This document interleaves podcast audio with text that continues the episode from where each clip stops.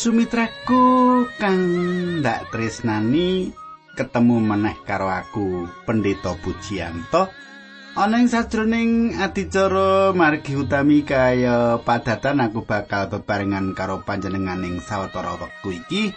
Kepiye kabari panjenengan? Opo kabeh slamet? Ora ana alangan sawiji opo nek panjenengan saiki nuju ngadepi alangan-alangan uh, apa iki pambengan-pambengan? Coban-coban ning urip panjenengan ora sah nglokro ing urip iki awit panjenengan duwe gundelan. Allah kang sejati sejatining Allah kang manjalmo dadi menungso yaiku Gusti Yesus Kristus. Panjenengan iso sambat karo panjenengani lan panjenengan saged nyuwun tulung karo Gusti Yesus iku Gusti Yesus astani ora kecekaan kanggo mitulungi panjenengan. Sugeng midhangetake ati cara iki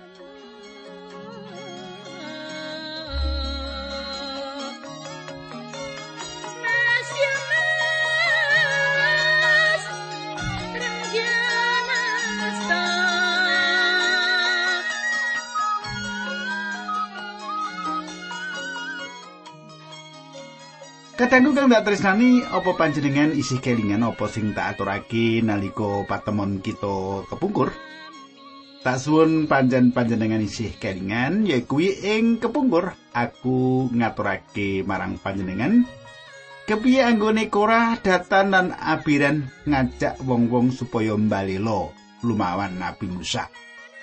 Mangkono ya, nalika kepungkur aku ngaturake karo panjenengan. Sebanjure kepiye critane sebanjuri. Mengkono ya. Nah, kita bakal nyemak ana patemon iki nanging sadurunge becik menawa kita ndedonga bebarengan. Duh Kanjeng Rama ing swarga kawula ngaturaken gunging panuwun menawi wekdal menika kawula saged tetunggilan kalian sedherek-sedherek kawula ingkang setya tuhu midhangetaken adicara menika. Kawula nyuwun supados Gusti berkahi, Gusti mitulungi lan Gusti tansah berkahi ing adicara menika kanthi makaten ingkang ringkih dipun kiyataken ingkang saged paduka sarasaken ingkang gadah karuwetan paduka udari karuwetanipun. Dinambaran asmanipun Gusti Kawula Yesus Kristus kawula ndedonga haleluya. Amin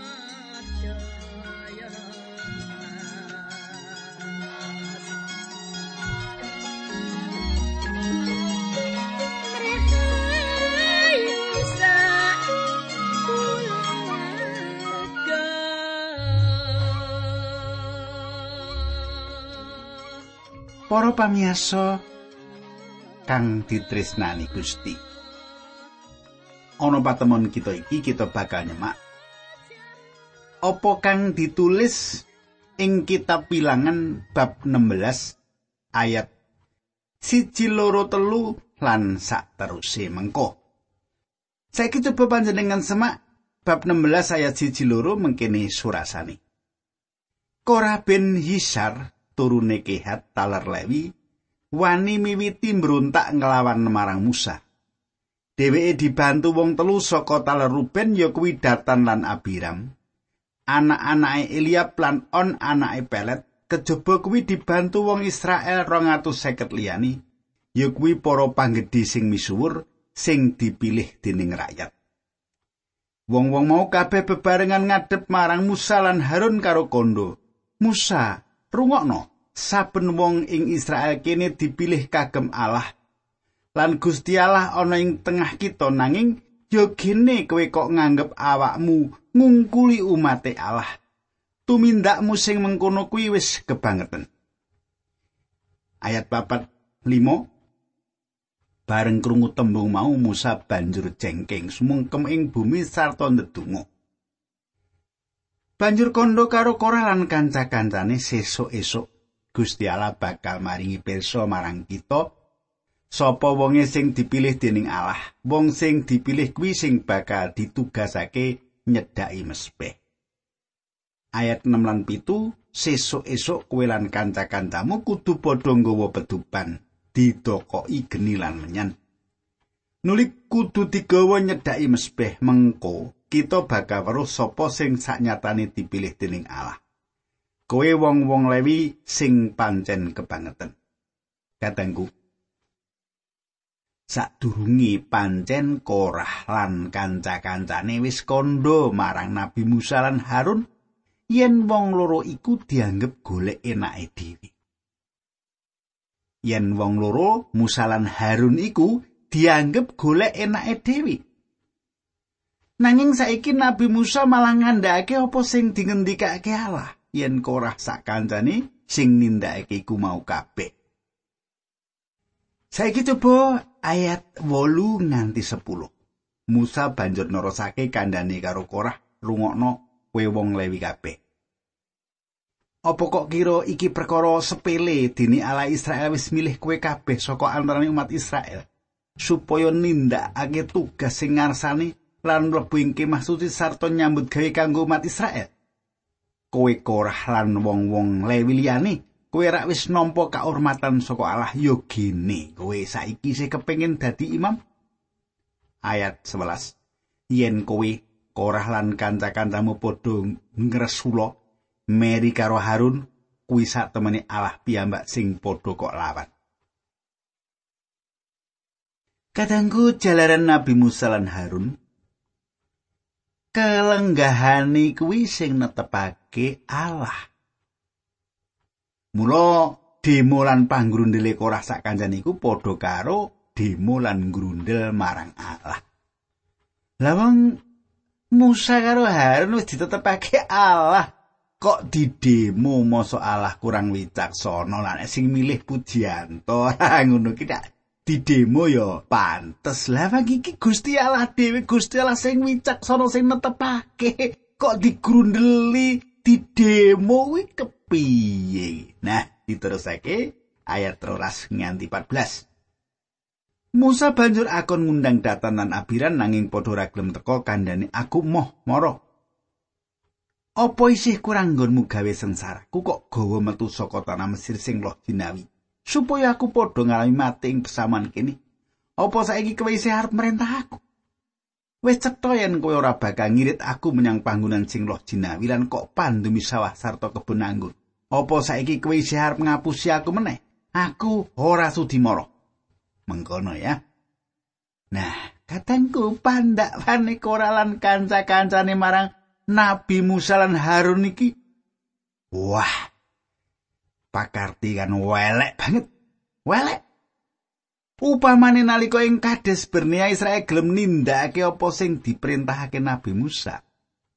Bangsa iki wis tekan tanah prajanjian sing kebak susulan madu. Yo mengkene iki wong nek wangkot pilakune randat. Ya. Lakune randat ora maju-maju, ya. Wong nek wangkot iku mengkene iki. Iki contoh sing ora patut ditiru aku lan panjenengan. Saya kita terus ke ayat 15 nganti selikur. Musa nesu banget lan matur marang Allah, duh Allah.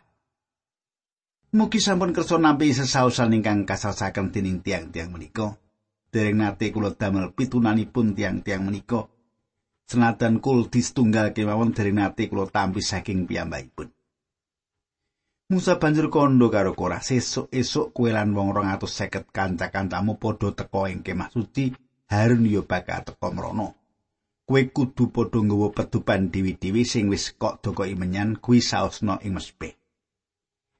Ketrito esuke saben wong mau nggawa pedupan diseni mawa limang iji lan menyan nuli ngadeg ing lawange kemah suci bareng karo Musa lan Harun. Sawise mengkono Korah banjur nglumpukake umat Israel kabeh nuli ngadeg adep-adepan karo Musa lan Harun.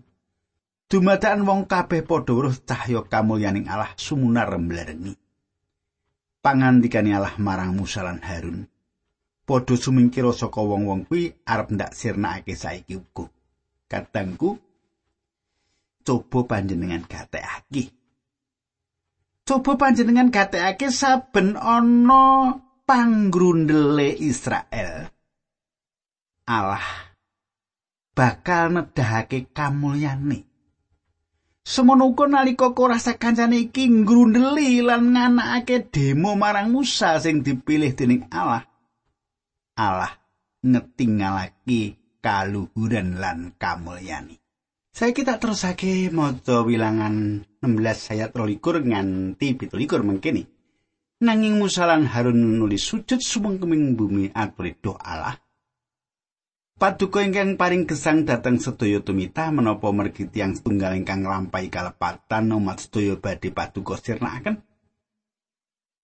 Pangandikane Allah marang Musa, wong kabeh konon sumingkir saka kemah Korah, Datan lan Abiram. Musa lan panggedene Israel nuli padha menyang kemah Datan lan Abiran kandhane Musa marang wong-wong Israel kabeh padha sumingkira saka kemah wong-wong ala iki lan aja ngepok barang darpe apa wae yen padha ora nurut kowe bakal padha kasirnakake bareng karo wong-wong ala kuwi. Wong akeh mau nuli padha nyingkir saka kemah Korah Datan lan Abiram. Datan lan Abiran metu ngadeg ana ing lawange kemah dewi-dewi sak anak bojone.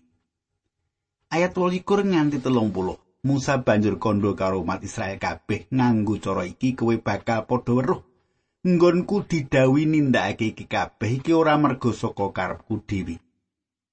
Yen wong-wong iki padha mati kaya patrape wong lumrah tanpa dihukum dening Allah, kuwi tandane yen aku ora diutus dening Allah. Nanging yen Allah nindakake perkara sing durung tau kok rungu sadurunge lan yen bumi ngangapake cangkeme lan nguntal wong-wong kuwi urip-uripan mudhun ing papane wong mati dalah sak barang darbeke.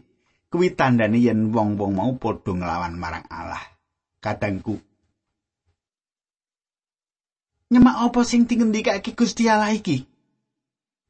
Bakal ana paukuman ndegirisi kanggo wong-wong sing nglawan Allah lan nglawan wong-wong sing dipilih Allah pambalelane Korah lan kanca-kancane mesti bakal diurus kanthi paukuman dening Allah piyambak. Eling iki ya.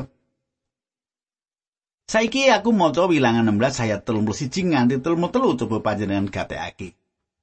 Lagi wae Musa meneng bumi sing dienci datan lan Abiram mlekah. Nguntal urip-uripan wong-wong mau lan para brayate bebarengan karo kanca-kancane Korah kabeh apa dene sak barang darbe. Mengkono uga padha kecemplung urip-uripan ing donyane wong mati bebarengan karo barang darbe kabeh bumine nuli pingkem maneh pulih kaya maune. Kadangku panjenengan pirsa yen korah sak kancan iki gawe pecahe karukunan umat. Korah patrape korah sak kancane iki gawe pecahe kerukunane umat. Mula Gusti Allah ndawahake paukuman Gusti Allah bakal ndawahake paukuman marang saben wong sing tumiba ing dosa. Yakub, Daud, Paulus. Kabeh jalaran kaluputane ing ngarsane Allah padha nampa paukuman dewi-dewi. Lah kepiyen kita panjenengan lan aku dosa, Allah bakal nindakake paukuman uga.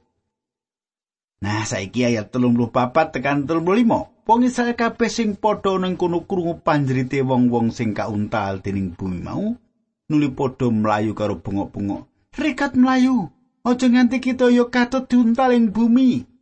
Gusti Allah banjur nekake geni mulat-mulat mangsa wong 250 sing padha nyaosake menyan ing pedupan mau. Katengku kita merlokake wong-wong sing masrahake ganjaran kasukman sing bisa dinggo lelados sing gereja. Dudu wong sing gampang meri, sing bisa nuwuhake paukuman saka Allah.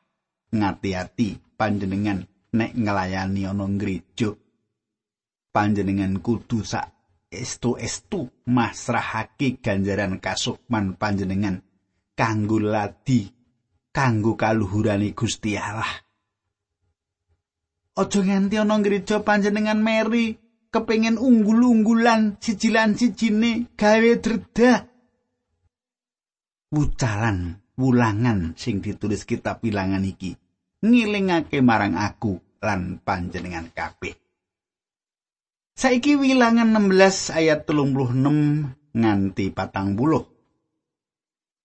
Gusti Allah ngendika marang Musa, Eliasar anak Imam Harun konon ngukupi turahane petupan-petupan sing gumletak ing antarané wong-wong sing kasirnakake mau. Areng-areng sing ana ing pedupan-pedupan mau dokokno ing panggonan liya merga pedupan-pedupan kuwi suci. Barang-barang kuwi wis dipilih nalika disaosake ana ing mesbe pangeran. Mulane jupuk ana saka panggonane wong-wong sing katumpes mau. Barang-barang kuwi kudu digembleng, didadekake lempengan tipis lan lempengan-lempengan mau kagaweo tutup kanggo mesbeh. kuwi dadi pengiling-iling tumrap bangsa Israel. Eliasar banjur nglumpukake pedupan-pedupan mau lan akon wong gembleng dadi lempengan-lempengan tipis kagawe tutup mesbeh. Kuwi kanggo pangiling-iling tumrap bangsa Israel yen kejaba anak turune Harun ora ana wong sing diparengake nyedhaki mesbeh ngopung dupa kunjuk marang Allah. Wong sing nglanggar pernatan mau bakal ditumpes kaya Korah lan kanca-kancane. Mulane kabeh mau ditindakake dening Ilyasar kaya kang didhawuhake dening Allah lantaran Musa. Katanggu Lelakon iki kaya sing tak aturake ngarep. Dadi pemut marang bangsa Israel supaya ora gampangan lan sembarangan sembrono ngobong duba kurban ing ngarsane Allah. Yen wong iku eling nek dheweke dudu garis keturunan Harun sang imam. Nek dudu kewajibane ora sah melu, melu. Mengkono ya. Ora sah melu ngurusi, dudu tugase. Saiki wilangan 16 ayat 41 nganti 42, mengkene surasane. Esuke wong Israel kabeh padha nepsoni Musa lan Harun kandhani. Kowe sing marakake umate Allah salong padha mati.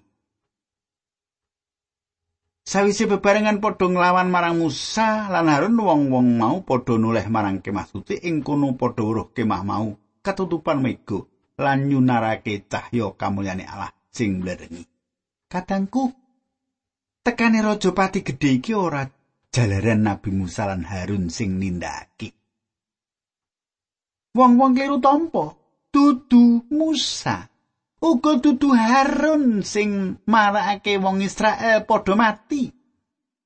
Nanging Gusti Allah piyambak sing ndawahake bebendune kanthi paukuman sawise ana panggrundele Israel. Allah nedahake kamulyani. Ayat 44 nganti 47. Gusti Allah banjur ngendika marang Musa, sumingkira saka wong-wong kuwi arep ndak tumpes sing panggonan kono uga. Musa lan Harun nuli padha sujud sumengkeming bumi kandhane Musa marang Harun. Petupan jupuk nisenana mawa limang iji saka mesbeh nuli mawa kuwi pirana menyan. Petupan kuwi enggal gawanan ing panggonane wong kakeh lan nindakno upacara pirukun gelis lakonono paukumane Allah wis wiwit mulat-mulat. Lan paukuman ne wis wiwit nempuh marang umate. Harun banjur nindakake apa sing dikandhake Musa. Enggal-enggal njupuk pedupane lan mlayu ing satengah umat Israel sing lagi padha nglumpuk. Bareng weruh yen paukumane wis wiwit nempuh menyane banjur diuwur-uwurake mawa lan miwiti nindakake upacara pirukun. Ayat 48 nganti 50. Paukumane nulis sirep lan Harun ngadeg ing antarané wong sing wis mati lan sing isih urip. Cacahe sing mati nalika iku ana 14700 durung kapetung wong sing padha mati bareng karo Korah. Sawise paukuman mau sirep Harun banjur bali marane Musa ana ing ngarepe lawang kemah palenggahane Allah. Kadangku Nabi Musa mapan ing antarane Allah lan bangsa Israel. Mengkono Gusti Yesus jumeneng ing antarane wong dosa lan Allah. Kadangku saiki kita mlebu ing pasal pitulas buku wilangan. Coba panjenengan semak wilangan bab pitulas ayat siji nganti pitu. Mengkini surasane. Gusti Allah ngendika marang Musa. Bangsa Israel konon masrahke teken rolas marang kowe saben penggedene taler masrahno teken siji. Jenenge saben panggede mau tulisan ing tekene dewi-dewi. Jenengi Harun tulisening teken sing saka taler Lewi saben panggedhe taler kudu ana tekeni. Teken-teken mau gawanan menyang kemah suci selehno ing ngarepe peti perjanjian ana ing panggonan kono nggonku bakal nemoni kowe. Tekene wong sing ndak pilih mengko bakal semi nganggo cara mengkono aku bakal nyirp suarane wong-wong sing ora leren-leren ngrundeli kuwi. Perkara kuwi diumumake dening Musa marang wong Israel kabeh, para pangedhe banjur padha masrahake tekeni diwi-diwi marang Musa. Saben pangedhe masrahake teken siji, cacahe kabeh ana rolas. Tekeni Harun uga ana ing antarané teken-teken mau. Teken-teken mau kabeh nuli diselahake dening Musa ing ngarepe peti perjanjian. Kadangku, Kanthi kahanan sing ngedapi-dapi iki Gusti Allah jumenengake Harun dadi imam. Saben para panggedene talar Israel padha duweni teken. Teken-teken mau uga tekene Harun di papanake ana ing ngarsane Allah ing ngarepe peti perjanjian. Mesti wae kabeh teken mau mung barang mati wae nanging kepriye kahanane sawise diselahake ngarsane Allah. Wilangan pitulas ayat polu, esuke nalika Musa mlebu ing kemah suci, weruh tekeni Harun sing makili tal lewi wis semi, malah wis metu kembange iya banjur megar lan metokake woh ketapang sing wis mateng. Katengku kang dak tresnani iki kahanan urip sing saka sing mati. Iki kahanan urip sing saka wong mati. Tekeni Harun semi godhonge metu kembang lan uwoe iki gambarane sing sampurna saka lelakon wungune Sang Kristus. Teken sing metu perdabane. Semi. Percaya marang Gusti Yesus kanthi dasar Sang Kristus sing wungu saka situ. Harun dadi imam, jalaran saka timbalani Allah. Kanthi tondo teken sing metu semene utawa semine. Gusti Yesus sing wungu saka situ jumeneng dadi imam agung kita. Panjenengane pinarak ing satengene Sang Rama kanggo mbela kita. Kita diparingi hak mirunggan sing bisa suwan ing ngarsane sawanci-wanci. Apa panjenengan rumangsa yen gesang panjenengan ora ana gunane? Yen kaya ngono suwana marang Gusti Yesus Kristus. Apa panjenengan lagi ngadepi paperangan batin sing marakake panjenengan rumangsa ringkih lan krasa yen bakal kalah? Apa gesang panjenengan kalimput ing kasusahan? Nyelak lan suwano ing ngarsane Gusti Yesus panjenengan? Panjenengan iki Imam Agung sing bisa paring lejar gesang panjenengan. Panjenengan iki Allah sing gesang selawase. Gusti bakal paring panglipuran dumateng panjenengan. Saiki wilangan pitulas ayat songo nganti sepuluh. Musa banjur nglumpukake teken-teken mau lan dituduhake marang umat Israel kabeh padha weruh lakon mau nulis saben pangedhe njupuk bali tekene dewi-dewi. Gusti Allah banjur ngendika marang Musa, tekeni Harun balekno ing ngarepe peti perjanjian. Teken kuwi kudu disimpen kanggo pangiling-iling marang wong Israel sing senengane mbrontak lan sing sapa ora mareni pangrundeli bakal mati. Kadangku tekene Imam Harun sing metu godhongi, kembang lan uwoe disimpen ing peti perjanjian sing bisa tinggu lambang. Ana barang telung werna sing disimpen ing kono, ya kuwi loh watu sing tinulisan dosa titah, gendul saka emas sing isine mana lan tekeni Harun sing metu peredapane utawa semene. Ayat 11. Musa nglakoni apa sing didhawuhake dening Allah. Katangku jane tak teruske nanging wektune ora nyandak nek tak teruske. Saiki kita ndedonga dhisik aja lali patemon kita sak banjure kita bakal nerusake apa kang kita sinau supaya nambahi wawasan karohanen panjenengan. Ayo kita ndedonga. Duh Kanjeng Rama ing swarga kawula ngaturaken kenging panuwun. Dene kawula saged sinau kayektosan saking pangandikan paduka.